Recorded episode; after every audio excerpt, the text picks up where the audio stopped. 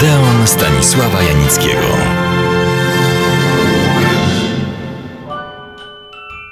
Przed tygodniem skończyłem swoją opowieść o znakomitym, niezwykłym aktorze brytyjskim Dirku Bogardzie na jego debiucie filmowym. Powiem zaraz, że w momencie, kiedy jego sława wśród krytyków i widzów rosła z filmu na film, on nie rezygnował wcale z innej działalności artystycznej i społecznej. O tym za chwilę. Dirk Bogart stał się na początku lat 60., jak to pisano, idolem kobiet i uważany był za brytyjskiego Rocka Hudsona, hollywoodzkiego bożyszcze wielbionego przez nastolatki na całym, no prawie całym świecie. Sympatię a właściwie miłość tę spowodowały jego, to znaczy Dirka Bogarda, rolę urokliwego i fascynującego doktora w serii filmów szpitalno-medycznych. Coś na wzór doktora Hausa, tylko że więcej w nim było wyrozumiałości i łagodności. Tak jak wielu aktorów europejskich, również Dirk Bogart uległ mirażowi Hollywoodu. I w tym przypadku wyprawa po Złote Runo zakończyła się totalnym rozczarowaniem. Nie o takich filmach, nie o takiej sztuce filmowej Bogart marzył. Przełomowym filmem w szeroko pojętej karierze Dirka Bogarta jest dramat Ofiara z 1961 roku, w którym gra on wysoce wtedy kontrowersyjną postać szanowanego prawnika, szantażowanego ze względu na jego homoseksualną orientację. Co więcej, Bogart pokazał tę postać w pozytywnym świetle. Ogromna i bardzo burzliwa dyskusja wokół tego tematu, no, filmowi tylko pomogła. W tym miejscu trzeba powiedzieć, że Dirk Bogart był w życiu prywatnym, specjalnie się tym nie afiszował, gejem. Jego partnerem był aktor brytyjski Anthony Forwood, znany i popularny przede wszystkim dzięki swym rolom w filmach historycznych. A Dirk Bogart za swą rolę w ofierze po raz pierwszy otrzymał nominację do nagrody BAFTA, najbardziej cenionej i prestiżowej nagrody brytyjskiej. Teraz nastąpiła owocna współpraca. Wspomniałem o niej przed tygodniem z amerykańskim reżyserem pracującym w Wielkiej Brytanii Josephem Lozejem. Jej rezultatem są takie filmy jak w pierwszej kolejności Służący w 1963 roku scenariusz napisał Harold Pinter, czy również według scenariusza Harolda Paintera Wypadek. Jak to słusznie charakteryzowano, Dirk Bogart kreował skomplikowane wizerunki mężczyzn o bogatym wnętrzu, chwiejnych, czasem niezrównoważonych, ujawniających agresję lub chęć dominacji. To jest Odeon Stanisława Janickiego w RMF Classic.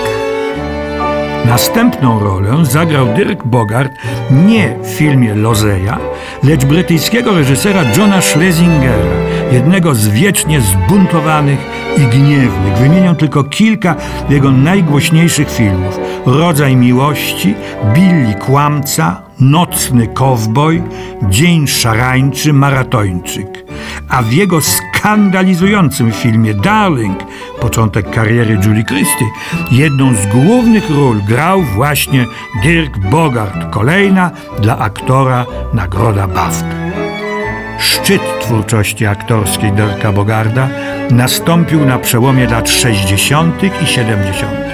i związany jest z włoskim geniuszem kina Lucchino Visconti. Te dwa filmy, Zmierzch Bogów i Śmierć w Wenecji te dwie role Dirka Bogarda już przed tygodniem sygnalizowały.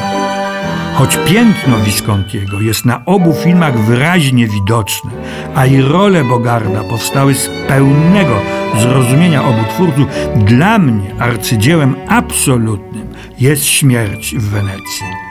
Może również dlatego, że nastąpiła w tym filmie wprost niezwykła symbioza czterech wielkich osobowości artystów pisarza Tomasza Mana, kompozytora Gustawa Malera, reżysera Lukino Viscontiego i aktora Dirka Bogarda.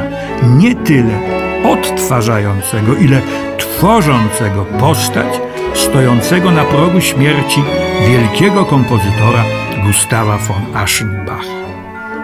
Po śmierci w Wenecji wystąpił on jeszcze w sześciu filmach. Wymienię tylko dwa. Nocnego portiera Liliany Cavani, w którym grał ex-SS-mana, który pracuje teraz w wiedeńskim hotelu i spotyka po latach swoją ofiarę z obozu koncentracyjnego, z którą łączył go perwersyjny związek sadomasochistyczny. Skandalowi obyczajowemu towarzyszyło uznanie dla gry Bogarda zarówno przez krytyków, jak i przez widzów. I drugi film, o jeden most za daleko. Tytuł jest skrótem zdania, które wypowiada generał Frederick Boy Browning, dowódca pierwszej alianckiej armii powietrzno-desantowej. Jak wiesz, zawsze uważałem, że próbujemy iść o jeden most za daleko. Nie muszę mówić, że tegoż generała odtwarzał Dirk Bogart. Po raz ostatni pojawił się na ekranie w 1978 roku.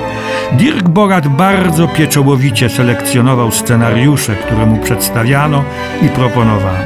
Grał w filmach mistrzów, takich jak Richard Attenborough, Alain René, Rainer Werner Fassbinder czy Bertrand Tavernier. A w roku 1992 otrzymał od królowej Elżbiety II tytuł szlachecki, więc powinniśmy o nim mówić Sir Dirk Bogart. Słuchacie Odeonu Stanisława Janickiego w RMF Classic. Swego życia prywatnego strzegł jak źrenicy swego oka. Mieszkał razem ze swym przyjacielem, wspomnianym już aktorem Formunem. Mieszkali w starym zamku na południu Francji. Zacytuję fragment oficjalnych informacji. Na początku lat 80. ze względu na chorobę Forwooda przenieśli się do Londynu. Bogart opiekował się chorym na raka przyjacielem aż do jego śmierci w 1988 roku. Osiem lat później przeżył Dirk Bogart udar mózgu, po którym został częściowo sparaliżowany. Stał się gorącym zwolennikiem eutanazji i został wiceprzewodniczącym Stowarzyszenia Dobrowolnej Eutanazji. Spełnienie ostatniej woli okazało się niekonieczne. Bogart zmarł 8 maja 1999 roku w Londynie na zawał serca. Według słów jego bratanka chciał, aby po jego śmierci zapomniano o nim i aby jego prochy rozrzucono nad ukochaną Francją w pobliżu jego byłej posiadłości Le Haut-Clermont w południowej Francji. I tak też się stało.